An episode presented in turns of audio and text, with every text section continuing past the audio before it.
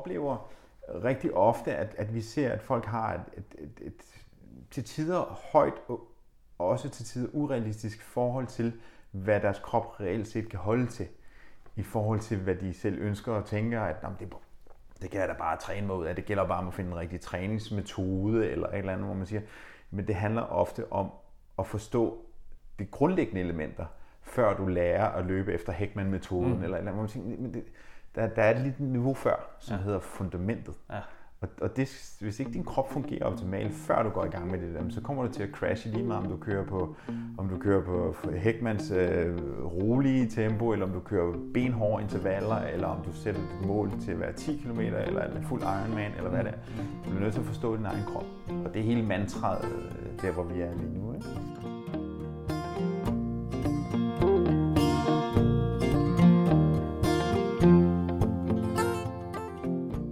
Lytter til Runcast, en podcast om løb for løbere.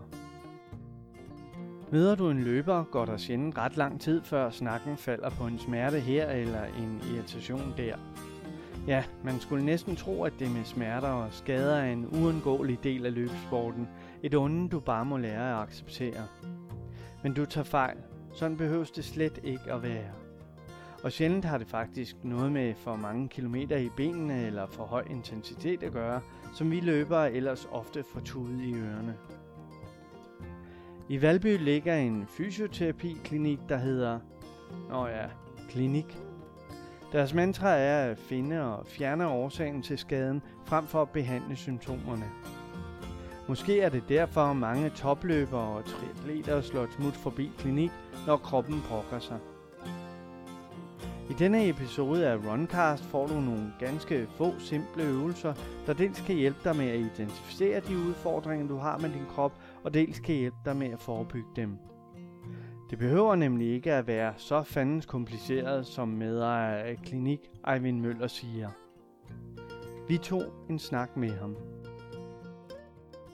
Vi har en stor del aktive mennesker, og deriblandt selvfølgelig også en del regulære øh, hvad kan man sige, sportsfolk. Mm det kan være fodboldspillere, det kan være atletikfolk, det kan være løbere, og det er alt fra netop elite, absolut top, top elite niveau, til, øh, til den helt gemene nybegynder, som bare har en interesse i at, nu er jeg altså så gerne i gang med at løbe, men jeg føler hele tiden, at jeg render ind i et eller andet, hjælp mig. Mm. Og det er der, hvor at, at, at i, i starten var vi sådan, ligesom alle andre sådan lidt uh, starstruck på nogle af de her folk, vi fik ind, og sagde, ej, hvor er det fedt, jeg behandler den og den og den. Ikke? Hvor at værdien og, og glæden ved at hjælpe er efterhånden lige så meget sunket, og i, i allerhøjeste grad sunket ind i, at det er jo det almene menneske, som er det allermest spændende i virkeligheden at hjælpe, fordi de skal have arbejde, familie, socialt liv og sports, motionsliv til at gå op i en højere enhed. Så, så der er vi jo lige så meget inde og coache og vejlede mm. og prøve at sige, hvordan skal vi tilrettelægge de her ting, for at du kan komme til at fungere.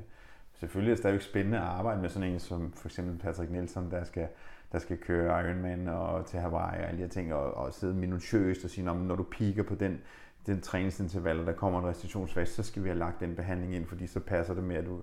Altså, det er jo sådan en anden måde at arbejde mm. på, som, som også er spændende, men, men de er jo virkelig sådan guldstøvet, det her deroppe, øh, men, men, men den brede masse er også den allermest spændende. Altså, det, det er så given at kunne hjælpe en til bare at komme i gang med at, at komme i gang med at løbe igen. Ikke? Men er der noget, vi som løbere typisk ikke er opmærksomme på? Hvordan kan det være, at vi bliver skadet igen og igen? Groft sagt, så vil jeg sige, at der er noget, vi overser. Og det er, nærmest, det er nærmest så simpelt, så det er til at tude over, når jeg i hvert fald kigger på min hverdag, hvad jeg møder folks forståelse for, hvorfor det her de er blevet skadet.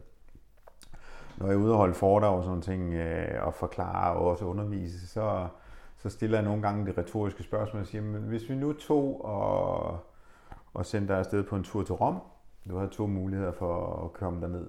Den ene mulighed var at køre i en bil, som var tip-top designet. Øh, vi kunne sige, at det var Kevin Magnusens folk, der havde fået den her specialopgave at, at lave en bil, som var designet til at bringe dig til Rom sikkert, trygt, driftssikkert derned, men også at køre dig hjem igen.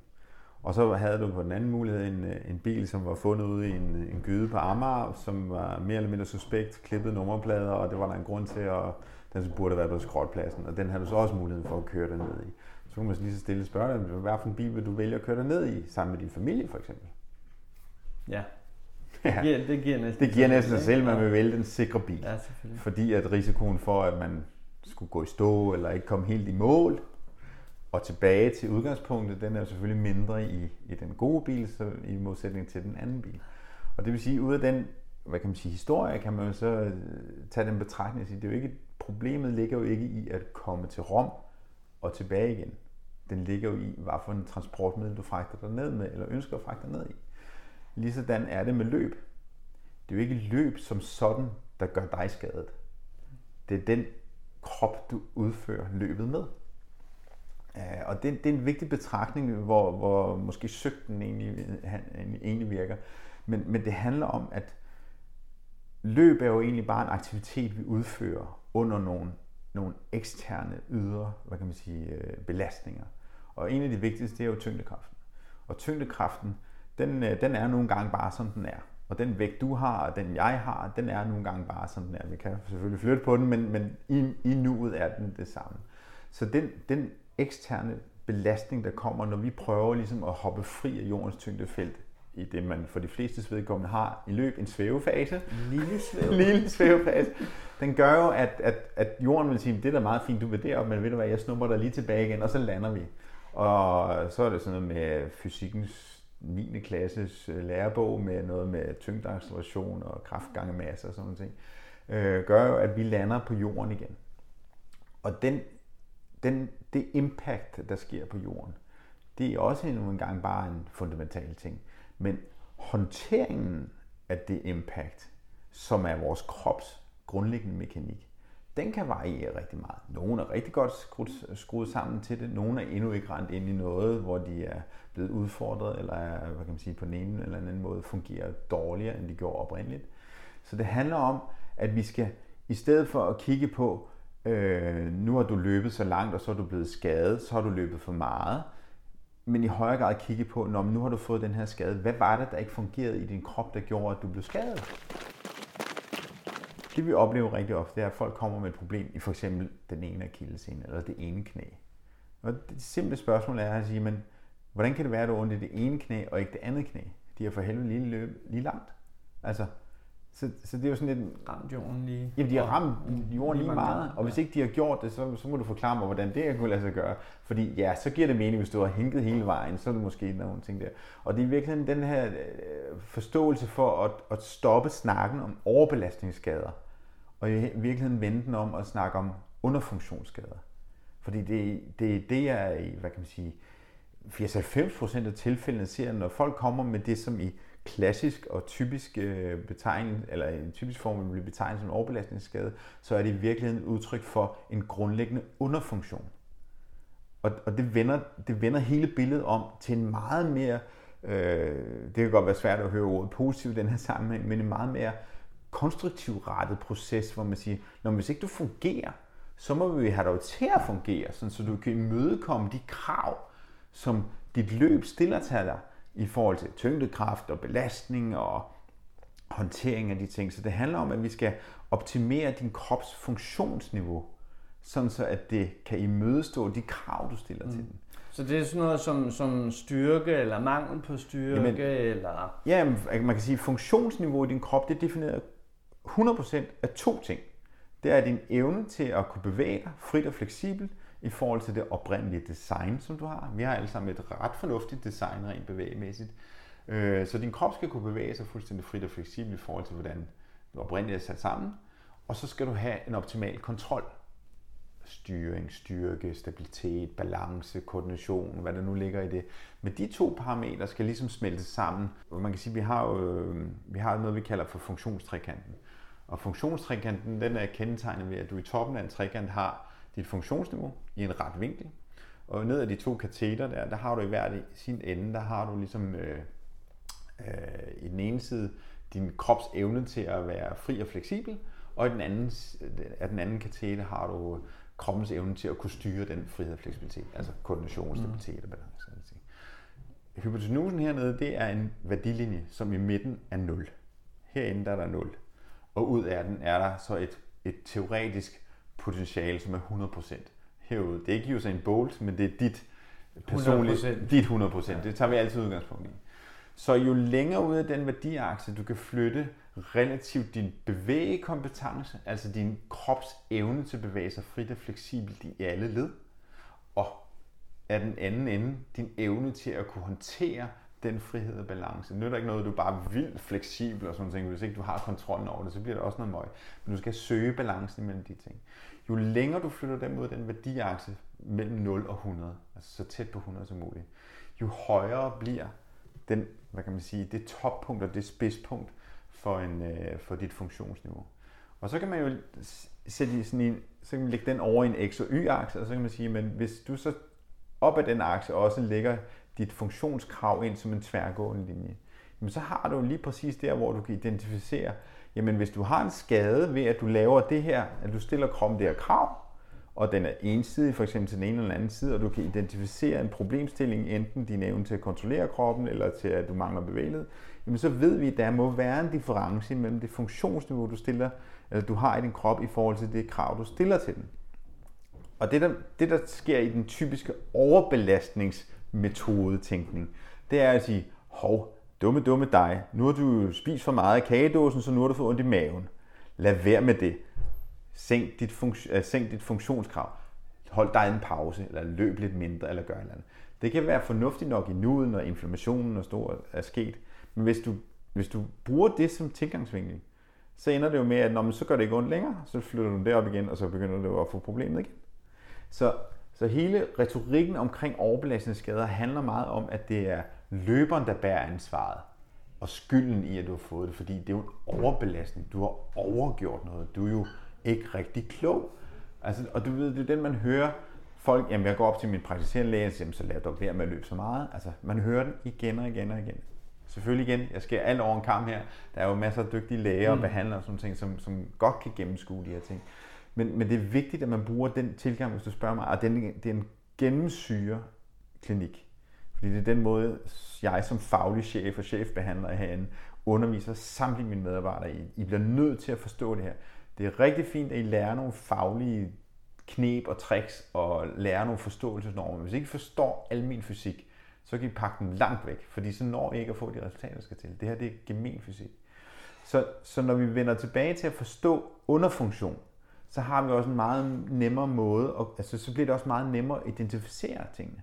Fordi så er det bare at gennemgå alle ledene et eller andet sted. Meget simpelt start ned fra fodledet, til knæledet, til hofteledet, til ryggen og kroppen i sin store bevægearm. Og sige, er der nogle differencer fra højre til venstre side?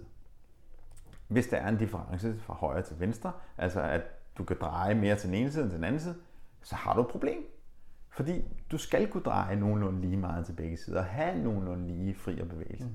Har du en god balance på det ene ben og en dårlig balance på det andet ben, så er det også et problem, fordi hvis du lander i et løb, lander man jo ligesom skiftevis på højre venstre ben, og hvis du har en dårlig balance, når du lander på det ene ben, så udfordrer du hele balancen, eller hele systemet op igennem kroppen på den ene side og på den anden side. Så du ved, det handler meget om ikke at gå ind og tænke, om jeg har lige løsningen, den ligger lige her. Nej, du er nødt til at kigge på helheden, og så finde ud af, hvordan fungerer helheden. Og jeg vil sige, der er, der er så mange, hvad kan man sige, paralleller og sammenlignighed med, med for eksempel det at køre sin bil til periodisk syn et eller andet sted. Ikke? Altså du drømmer ikke om, hvor mange kroppe jeg ser herinde, der ikke, hvis de var en bil, så var de simpelthen ikke gået igennem periodisk syn, fordi de er så pivskæve øh, og, og, og dårligt stødabsorberende i den ene side i forhold til den anden side. Ikke? Men tak spids, som jeg skal sige til dem, at du ikke kan komme ud og løbe dit maratonløb. Er du er rigtig klog? Så skal bare fikse mig. Og det er også det, det handler om. Det handler om at få tingene til at fungere igen. Men på plus, at, at, at folk de bruger rest væk hvert år 6.000 på periodesyn af bilen. Yeah. Men det er sjældent, de bruger. Ja, og det kan man jo forstå, fordi der er noget sikkerhed og liv på spil. Men det sjove er jo, at man rask væk bruger tusindvis af kroner på carbonhjul eller på dyre sko og, og fancy tøj, og det er også rigtig fint. Men man skal bare, når det kommer til skader, så bliver man først og fremmest nødt til at forstå, hvad det er, der driver tingene. Og det handler altså om Newtons lov og simpel fysik, som vi lærte engang i folkeskolen. At når noget falder ned på jorden, så bliver det mødt af et tryk, og det tryk skal absorberes. Og jo mere kompromitteret vi er i forhold til at kunne absorbere det stød, jamen desto mere absorberes, eller så akkumuleres de her belastninger op igennem kroppen, og så får vi de her overbelastningsskader. Mm. Så, og, og, og det mener jeg for mig er det simpelthen så simpelt og så logisk at arbejde med. Øh, og der er mange, der arbejder med det, men jeg, har, jeg synes også, at jeg bare ser en tendens til, at selv i min egen faggruppe, at nogle gange så, øh, så siver man over i den klassiske symptomtankegang. Ikke? Så det gælder virkelig om at holde snuden lige i sporet i forhold til det her med at, at lige at tage helikopterblikket på en gang og så sige, hvad er det egentlig, der er galt med den her patient? Det er ikke bare knæet.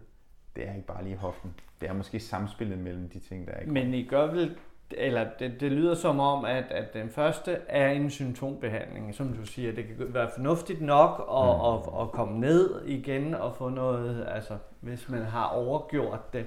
Men derfra skal man så finde ja. den bagvedliggende årsag til, jo, jo. til men, det, men det går hånd i hånd. Ja. Altså, du, kan ikke, du skal ikke vente på, at så er symptomet lagt.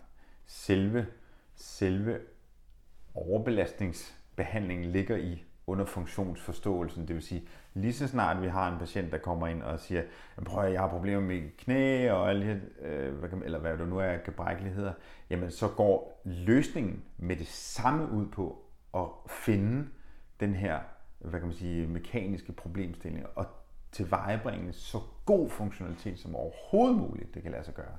Øh, man kan jo have en situation, hvor at for eksempel, lad os sige, akillescenen eller svangscenen, bare for at tage et, et øh, typisk problemstilling, at den for eksempel er blevet så voldsomt hævet, eller at der er blevet kommet noget arveudstandelse i den, at, at selve skaden i sig selv på et strukturelt niveau er blevet, sådan, er blevet manifesteret i sig selv.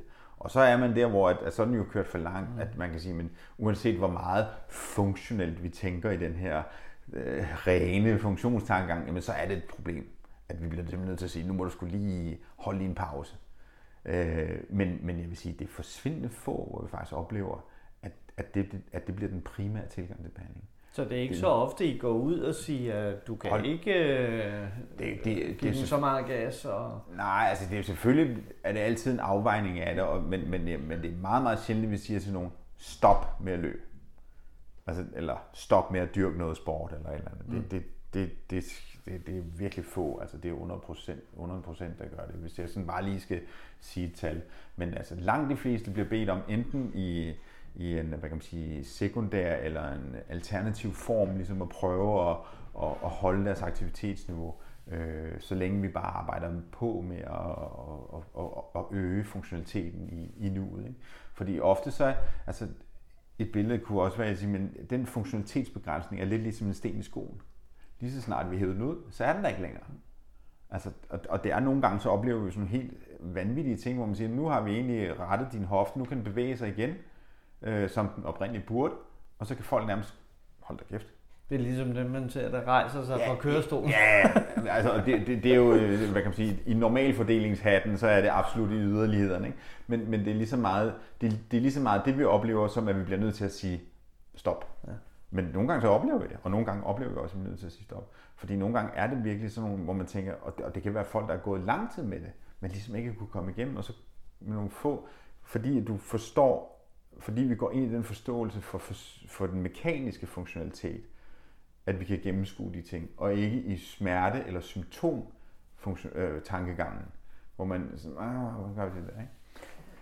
Har I, har I sådan en, en top 3 eller top 5 over de, de, de typiske løberelaterede? Er det, er det dem, man altid hører om ja. med, med det er knæene og hoften? Jamen det er og... svangscenen, det er akillescenen, det er knæet, det er hoften, det er ryggen, øh, som typisk volder løberproblemer. Og det er jo aksen.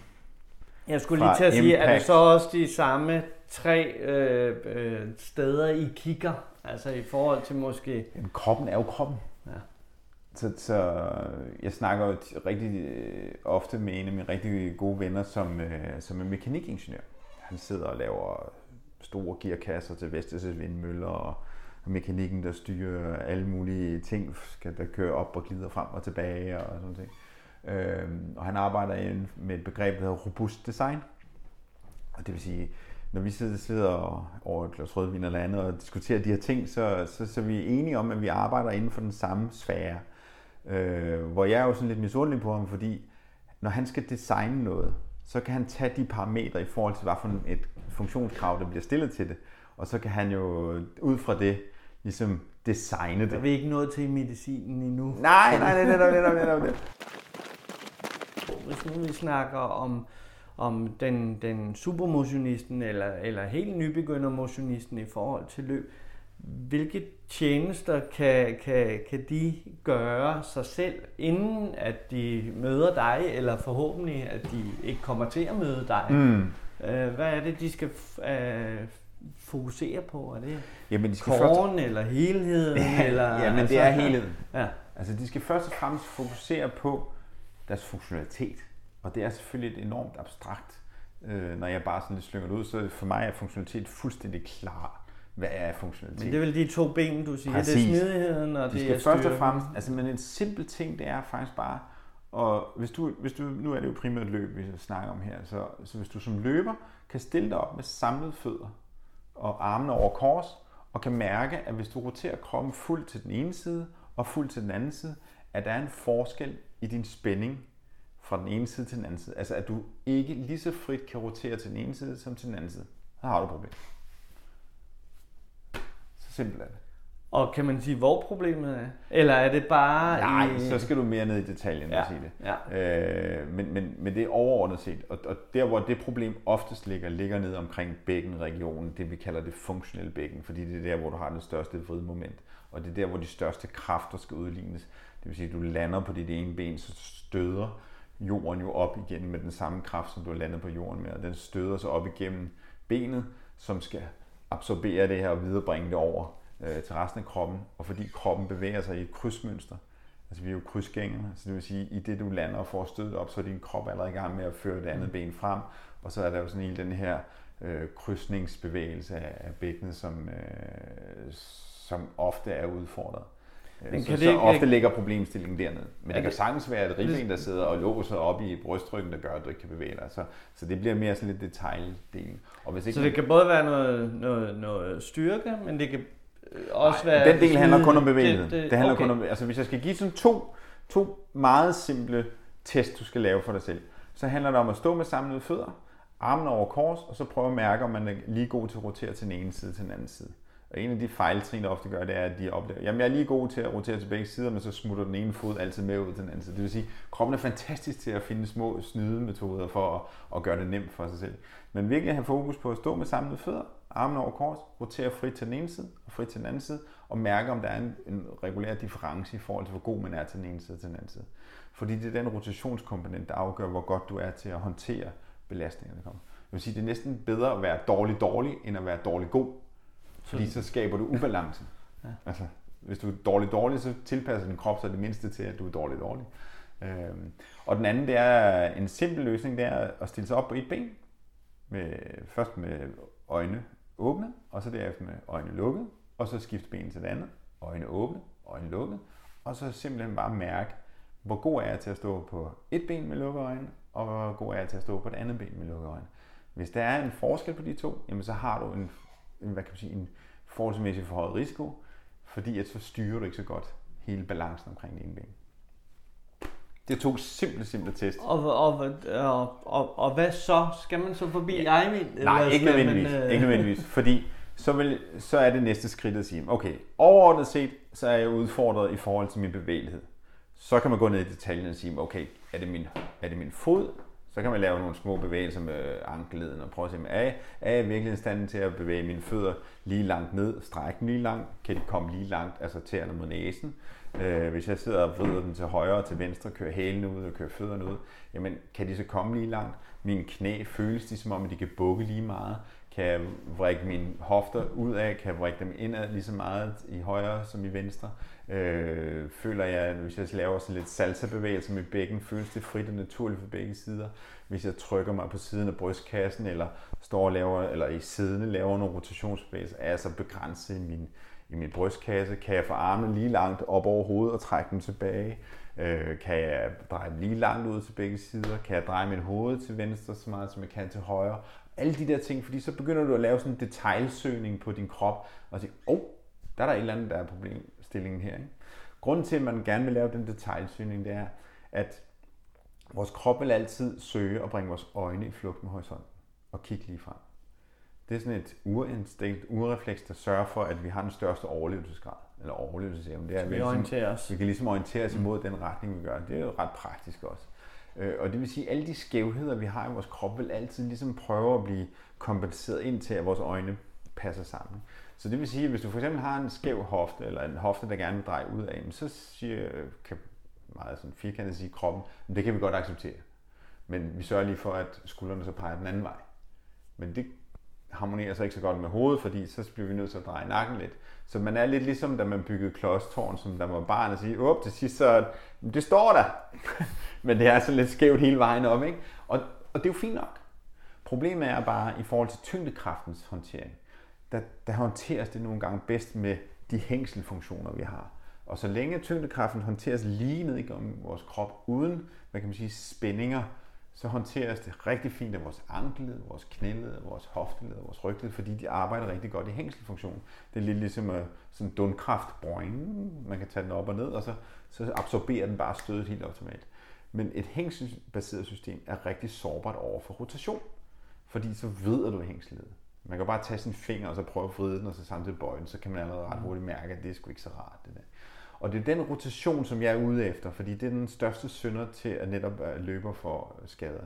Så, så når, når vi mærker, at problemerne, ligesom at, at der er regionale problemer eller detaljproblemer i vores krop, så skal vi vide, at enhver form for begrænsning i rotationsplan, altså i rotation, at hvis vores nakke for eksempel ikke er god til at dreje til højre, jamen så vil bækkenet også være med i en kompensation for det, fordi det hele handler om, at, at vores øjne er vatterpasset.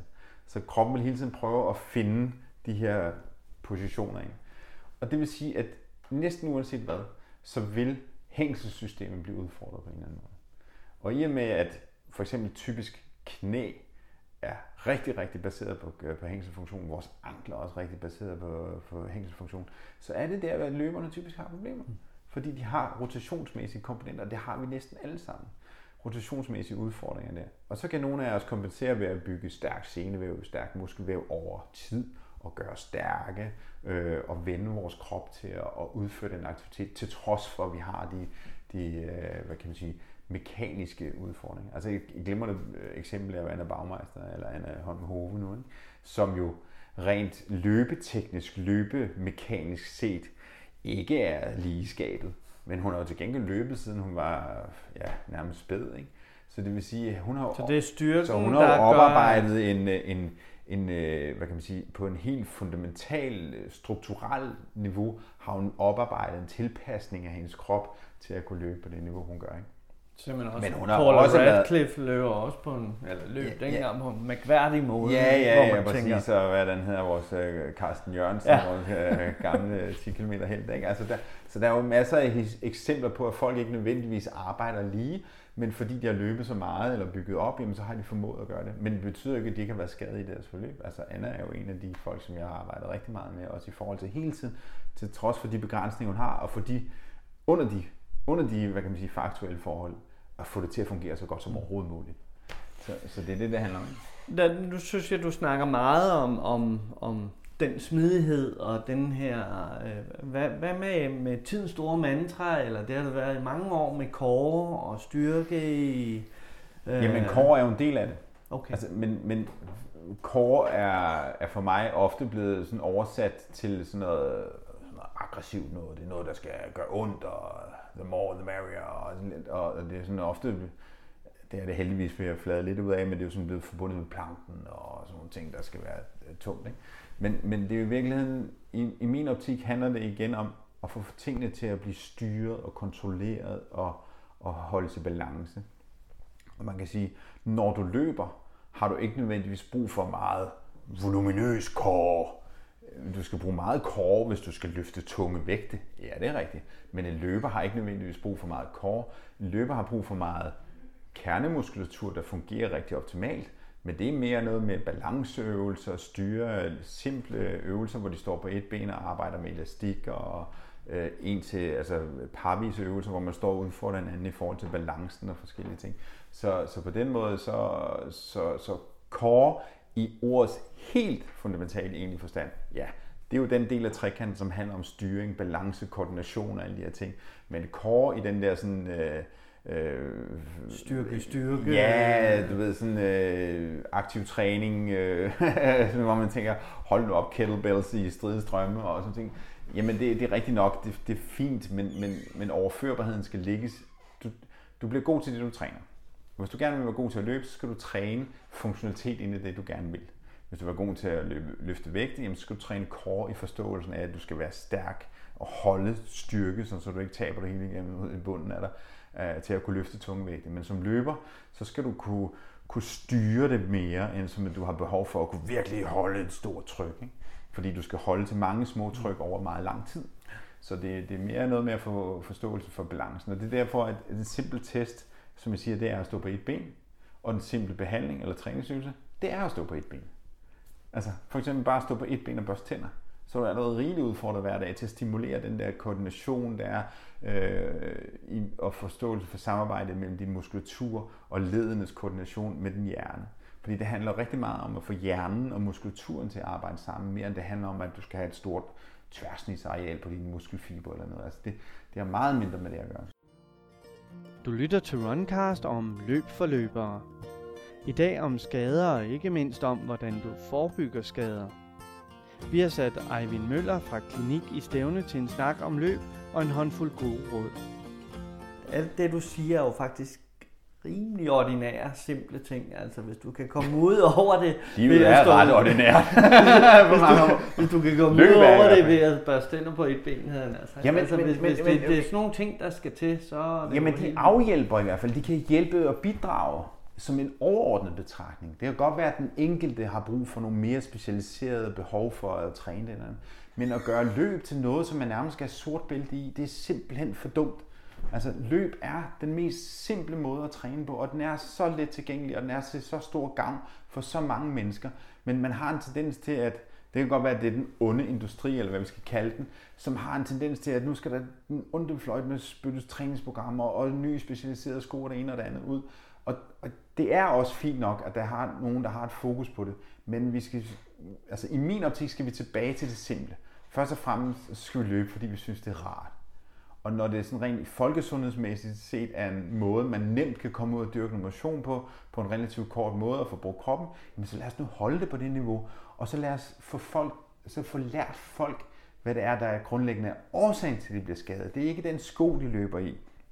Det er ikke, det, det er ikke nødvendigvis den mængde træning, de gør. Det er forståelsen for sammenhængen mellem dit funktionsniveau og det krav, du stiller til din krop. Ligeså vel som du ikke kan tage, jeg kan ikke tage min, fine øh, par år gamle Fiat Panda brage ned på Monza-banen og så bare fyre den af. Altså, så går den jo også i stykker. Eller så ligger jeg og roder rundt ude i, i rabatten. Så det skal jeg have en anden form for opsætning til. Så du ved, det er, sådan nogle, det er virkelig sådan nogle helt, og det er virkelig min vision at gøre danskerne klogere på deres egen kroppe.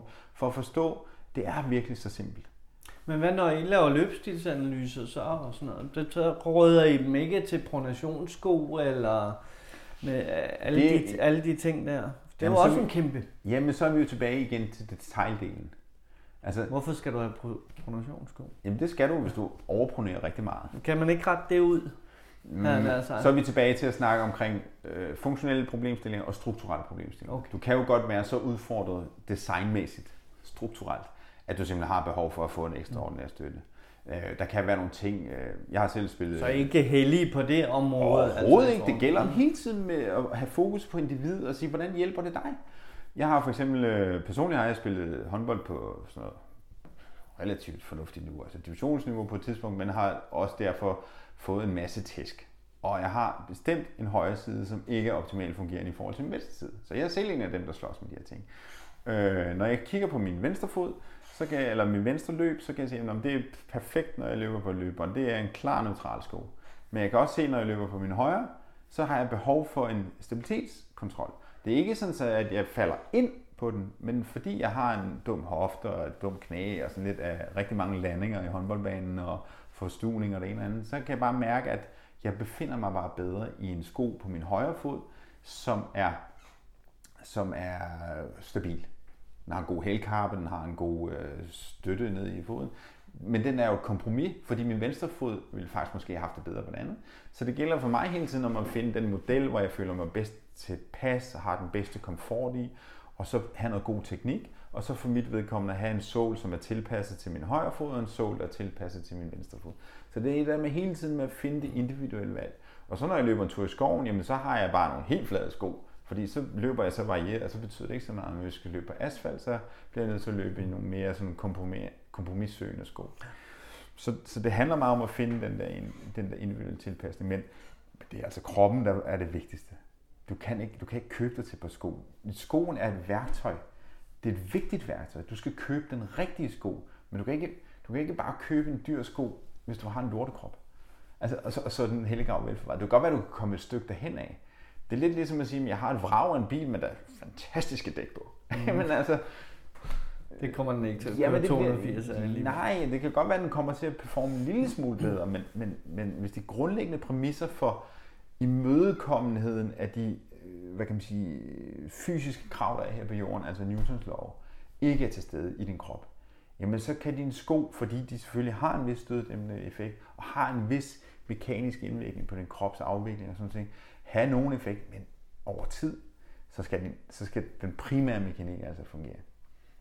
Og vedligeholdet af den mekanik, altså vedligeholdet af, der er jo, der er jo, der er jo, der er jo alle mulige ting. I har også mm. noget sportsmassage her. Mm. Øh, en anden, et andet buzzword for tiden er, er de her foam roller, mm. som alle fra professionelle til, til, til motionisten bruger. Øh, øh, hvordan, hvor, hvor, hvor meget skal man gøre der, synes du? Altså, hvor stor en del af træningen det, det, er det? Fordi... Igen, hvad man ønsker at, at gøre med det. Altså, det, det er et individuelt tilpasset behov. Hvis ikke du har, hvis du føler, at du har et behov for at gøre det, så skal du gøre det. Men der er ikke, der er ikke sådan en facitliste for, har du ønsket om at løbe 10 km, så skal du gøre sådan her. Igen det der med at finde ud af, hvor er mine udfordringer, hvad føler jeg behag ved, og så sørge for at kunne bevæge sig så frit og fleksibelt som muligt. Men hvis jeg skal endelig skal sætte... Så hvis massagen eller foam kan hjælpe med det, så... Så skal du gøre det. Ja. Der er nogen, der synes, det er fantastisk for massage, andre synes, det er helt forfærdeligt. Jamen, hver skal søge sit øh, vel, altså sit fag.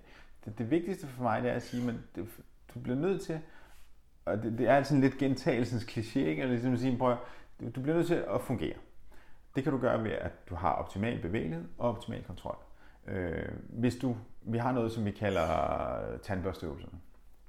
Tandbørsteøvelserne er egentlig, at du bare står op, bøjer dig til højre og til venstre, roterer frit om din, igen med armen over kors, roterer forover og bagover, og så bukker du ned og strækker dig op bagover.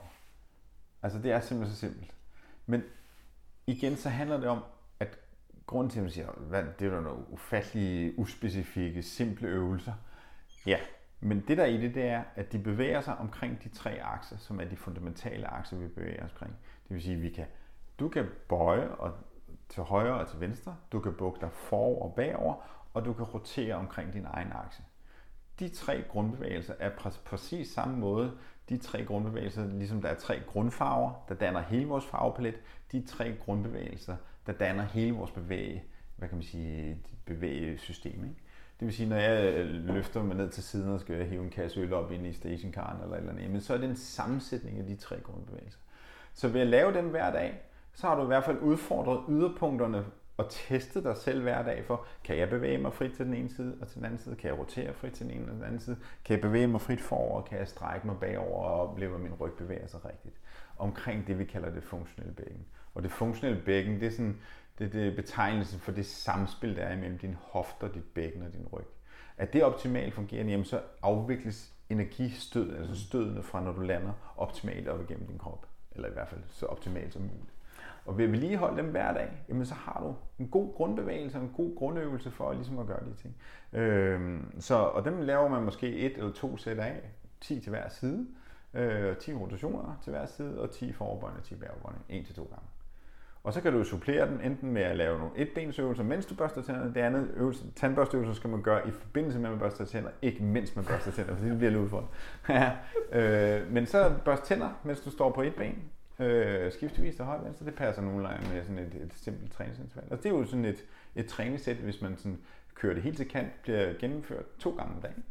Mm. Og så har du allerede givet den der bevægemæssige og den øh, hvad kan man sige, motoriske stimulering til din hjerne om, at det her det er yderpunkterne for, hvad min krop kan kapere rent bevægemæssigt og kontrolmæssigt. Så kan man supplere det med noget squat eller lunges eller noget. Øh, når man gør det, så kalder jeg dem de fem løbetibetaner. Det er en god opvarmningsstation at gøre. Ikke? Altså det, så, så, så det handler for mig om at, at formidle noget, som er simpelt, som er effektivt, øh, og, som, og som arbejder med den grundlæggende årsag til det. Øh, så, sådan så vi er, hvad kan man sige, så man får et reelt stykke værktøj til at, til at arbejde med ting. Fordi der findes der altså absolut mange mere specifikke øvelser, som arbejder specifikt målrettet mod den muskel, som måske er svag. Men ofte er de øvelser meget tekniske, eller de kræver en indsigt i, hvad det er for noget, den øvelse gør. Og jeg vil sige, det som på et fagsprog hedder compliance, altså patientens efterlevelsesevne, eller evne til at efterleve de her øvelser og udføre dem til dagligdag, den er ofte lav. Hvorimod de her øvelser, de er så simple, som jeg siger, vi oplever, at der er en relativt stor compliance, altså at folk formår at gøre det, fordi mm. det er til at huske, om det er noget med noget tandbørstning, ja, når jeg skal gøre det, når jeg børster tænder, øh, det var noget med tre bevægretninger, nå, så kan man sådan nogenlunde godt gennemskue, lige pludselig bliver det til en vane, så gør man det bare, og så skal du stå på et ben, og, altså, det, det, det er det her med, tingene er ikke så svære, løb er ikke svært, træning og øvelser omkring det benøves ikke nødvendigvis er svært. Så det hele missionen for mig, det er at gøre tingene let tilgængelige. Ikke nødvendigvis præcise og specifikke, fordi det er først i detalj, eller detaljedelen, at vi skal arbejde med de ting. Men for langt de fleste, så har vi bare behov for at få et bedre niveau. Bare en lille smule bedre. Og for nogen så kan det være kvantespring, vi flytter, andre så er det bare en lille smule bedre. Men kan vi flytte de to parametre på den der funktionstrækant, der gør, at vores funktionsniveau bare bliver lidt højere, så kan det være, at vi lige møder det niveau, hvor vi faktisk kan holde til at gøre det, vi gerne vil. Og det er uagtet alder, eller køn, eller whatever, fordi det tager udgangspunkt i det. tager udgangspunkt i funktionen. Ja, i det. Det er det samme. Altså, din bil bliver også kørt til syn, og bliver ikke vurderet på dens alder sådan. Den bliver vurderet på, om den fungerer, om den er om den kan blive tilladt at køre på vejen igen, ud fra et funktionsmæssigt øh, synspunkt. I er også inde specifikt i forhold til træningsprogrammer og sådan nogle ting og sager. Øh, motionisten, der kommer ind til dig og har store ambitioner om, hvad ved jeg, et halvmarathon eller et helmarathon. Mm. Hvordan, hvordan råder du til at gå i gang? Jeg kan huske, at jeg fik at vide for mange år siden sådan noget med, jamen, øh, hvis du tager din, din, din kondition, den, den tilpasser sig i løbet af få måneder, mm. men dine sener, det tager mm. et halvt år, og dine knogler tager et år, og ja, sådan noget ja, den stil. Ikke? Øhm, er det det samme, der gør sig gældende, fordi I må få de jo, jo. Det er jo klart, at, at er du helt nybegynder, jamen så start med at sætte nogle realistiske mål. Altså sæt et funktionskrav, som ligesom er, er, er forenligt med det, det, hvor du er. er du, har du været vant til at cykle rigtig meget, så har du måske en høj ildoptagelse, men du har måske ikke særlig meget øh, knogle- og senestyrke, fordi du har siddet i lukket øh, hamsterhjul og, og tævet rundt. Ikke? Så der kan være nogle fokusområder med at måske at, og, og prøve at vinde styrken til at, at komme ind i, i sceneværet og sådan ting. Men, og er du helt nybegynder, jamen, så er det nogle helt andre ting, som gør det. Men du er helt ret. Noget af det bedste, noget af det hurtigste til at forandre sig, det er jo, hvad kan man sige, kredsløbet. Hvad gør de så på klinik, når den håbefulde nybegynder kommer ind med store løbemæssige ambitioner? Når vi får nogen, der reelt set siger, jeg kunne godt tænke mig at løbe, øh, for eksempel et halvmarathon, og jeg er helt nybegynder. Okay, så lad os lige starte med et andet mål. Lad os prøve at sige, det er et mål, men lad os lige lave nogle delmål. Og så sige, over det næste par år måske, eller et år, øh, hvordan skal vi skrue det her sammen? Og så er det jo en helhedsbetragtning ud for at sige, hvad er det en, hvorfor er det en, du løber?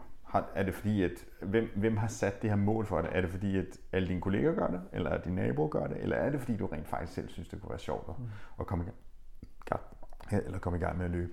Øhm, hvordan er din familiære, din arbejdsmæssige, din sociale øh, sådan, øh, sfære, at, at, kan du nå at træne det, der skal til? Nu behøver man måske ikke at træne så meget til et halvmarathon, men vi oplever især Ironmans, øh, som, som, hvor man tænker, det skulle nok lige skudt over målet, hvis du skulle spørge mig set ud fra sådan en helhedsbetragtning, men fair nok, lad os nu se det, men, men vi bliver nødt til at tage det med i, i forståelsen, fordi hvis ikke det hænger sammen i forhold til dit arbejdsliv og dit familieliv, så er det typisk, at vi oplever, at folk ikke får sovet nok, så får de ikke restitueret nok, og så render de ind i skade den anden. Mm. Og så står vi og slås med et fysisk problem, som i virkeligheden er relateret til noget andet. Så det handler meget om timing og, og forståelse for, hvor er det, at du gerne vil hen, og hvorfor er det, du gerne vil derhen. Så vi vil rigtig gerne hjælpe dig med at komme derhen på den bedst mulige måde.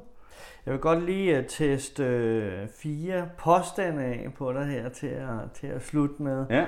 Det er bedre for knæene at løbe på løbebånd end alle mulige andre steder. Ja, både og. Forstået? Jamen forstået på den måde, at, at, at løbebåndet kan godt være et fornuftigt øh, sted at starte, fordi der, at det, at du har et bånd, der flytter sig under dig, afbøder også noget af det impact, du lander med. Så på den måde kan det godt være lidt mere skånsomt for, altså så kan det være mere skånsomt for knæene at starte op på den måde. Ikke? Øhm, især hvis du for eksempel skal køre hård intervaltræning og sådan ting. Så det kan være både der, hvor du skal starte op med at løbe igen, fordi du kan bedre kontrollere hastighed. Du har ikke lige så hårdt et impact, fordi at jorden flytter sig under dig, og ikke at du rammer ned i jorden. Øh, og i den opbyggende fase, når du skal køre intervaller, så netop for at undgå de her hårde stød, så har du tempoet, og du kan styre tempoet meget mere, hvor du har lidt mere svært ved at styre det udendørs. Øhm, og så er der jo, hvis man skal tage de sådan rigtig avancerede løbebånd, så har du Alta G løbebåndene nu, hvor du kan ophæve tyngdekraften, så der. Men igen, hvis vi skal tilbage til det, som er mit mantra, at kigge på funktionalitet, så er det for mig fuldstændig ligegyldigt. Hvis ikke du fungerer, så bliver du også ødelagt af at løbe på et løbebånd. Plus at hvis du kun løber på løbebånd, og så kommer ud på, ja, ja, præcis, så, så præcis. Du har du bare problemet Du bliver der. god til det, du træner. Så hvis du træner på at løbe på løbebånd, så bliver du god til at løbe på løbebånd, men du bliver ikke nødvendigvis god til at løbe under. Præcis. Den anden, det er no pain, no gain. Den har du hørt før. Ja, det kommer an på, hvad for en pain. Fordi det er klart, at hvis du skal flytte dig performancemæssigt, så kommer det til at gå ondt. Men hvis du løber på noget, som er dysfunktionelt, så har du ikke noget ud af det. Så der er forskellen mellem øh, det, vi snakkede om før, det konditionsmæssige ja. pain, og så det, ja, som, som, som er... Det er efterhånden bevist så mange gange, at hvis du skal performe på et højere niveau, og du ønsker at forbedre dig rent performancemæssigt, så gør det ikke noget, det gør ondt. Mm. Fordi det gør ondt at skubbe grænserne. Men hvis du løber og har ondt, fordi du ikke fungerer godt nok, altså hvis du får ondt af en løbetur, fordi, øh, og for eksempel typisk et ene ben, øh, så har du ingen gain af det. None whatsoever. øh, og man kan sige, at det der typisk adskiller ting, det er, at man kan stille sig det spørgsmål, hvis jeg kun får ondt i det ene ben, ikke? Så, så er det lidt, at så må der være et eller andet galt, for det andet ben er løbet lige langt, som sagt. Øh, når du har en, øh, hvad kan man sige, sådan en, en systemisk udfordring, hvor du virkelig presser systemet, så vil det typisk have ondt enten hele kroppen, eller i hvert fald nogenlunde lige meget i begge ben. Ja. Så det er sådan meget godt, det er meget godt øh, en varsel at mm. sige, hvis du har ondt i begge ben, så er det formodentlig fordi, du enten ikke har ressourcerne til at gøre det, du gør, eller du presser ressourcerne. Hvis du kun får ondt i den ene side, så er det formodentlig mere et mekanisk problem. Ja. Så det er sådan en meget god tommelfingerregler med. Det er ikke godt at løbe to dage i træk. Vice versa. Hvis du ellers er i stand til at, altså hvis du er i form til det, så kan du bare gøre det. Selvfølgelig. Det hjælper ikke at strække ud efter løb. Du skal gøre, hvad der passer dig. Men hjælper det i forhold til skadesforebyggelse? Og er det det samme som med foam rolleren? Jamen, hvis, altså, hvis du synes, det hjælper, så hjælper det. Ja, men vi har, snakket, vi har jo lige snakket rigtig meget om funktionalitet. Om du gør det lige efter løb eller ej. Øh, det er sådan set med risiko for at komme i voldsom kampolage med alle mulige andre behandlere, så vil jeg sige, at, at, at det vigtigste er, at du overordnet set har en god bevægelighed. Om du så faciliterer den bevægelighed lige efter eller på et senere tidspunkt, er måske ikke så vigtigt. Jeg personligt argumenterer for at sige, det er en god idé at optimere og fortælle kroppen, hvor dens yderpunkter er rent bevægelighedsmæssigt, før du går ud på en løbetur, og det er også en god idé igen at, ligesom, at nulstille kroppen ved at lave for eksempel de her tandbørsteøvelser, som jeg snakker om. Lige at bøje til højre og til venstre, rotere frit og bøje sig forover og bagover omkring det funktionelle bækken, fordi det har fået så mange stød i løbet af den løbetur. Så, så, så nu siger du udstrækning. Øh, jeg er en meget varm fortaler for dynamisk fleksibilitet. Altså at man arbejder med at arbejde med den her fleksibilitetstankegang i, i forbindelse med, at man øh, forbereder sig og varmer ned efter et løb. Øhm, og det gør jeg, fordi at en stor del af vores aktivitet er jo netop dynamisk. Vi har, vi har sjældent behov for sådan at sidde med et strakt ben.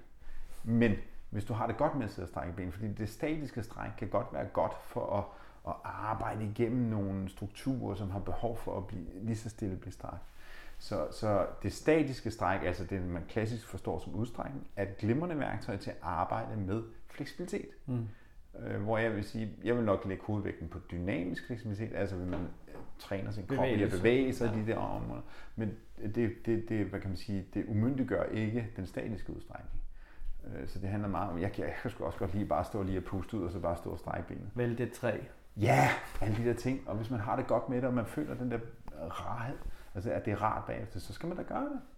Men der har jo været en masse palaver og diskussion. Altså helt tilbage til, jeg blev fysioterapeut for 20 år siden, var der jo de her undersøgelser, der viste, at man ikke kunne måle nogen signifikant mm. forskel i øh, muskelfiber. Altså man kunne ikke måle nogen forandring på, på et strukturelt plan i, i muskelfiberens, altså i, i selve muskelfiberen af, at man lavede de her strækøvelser.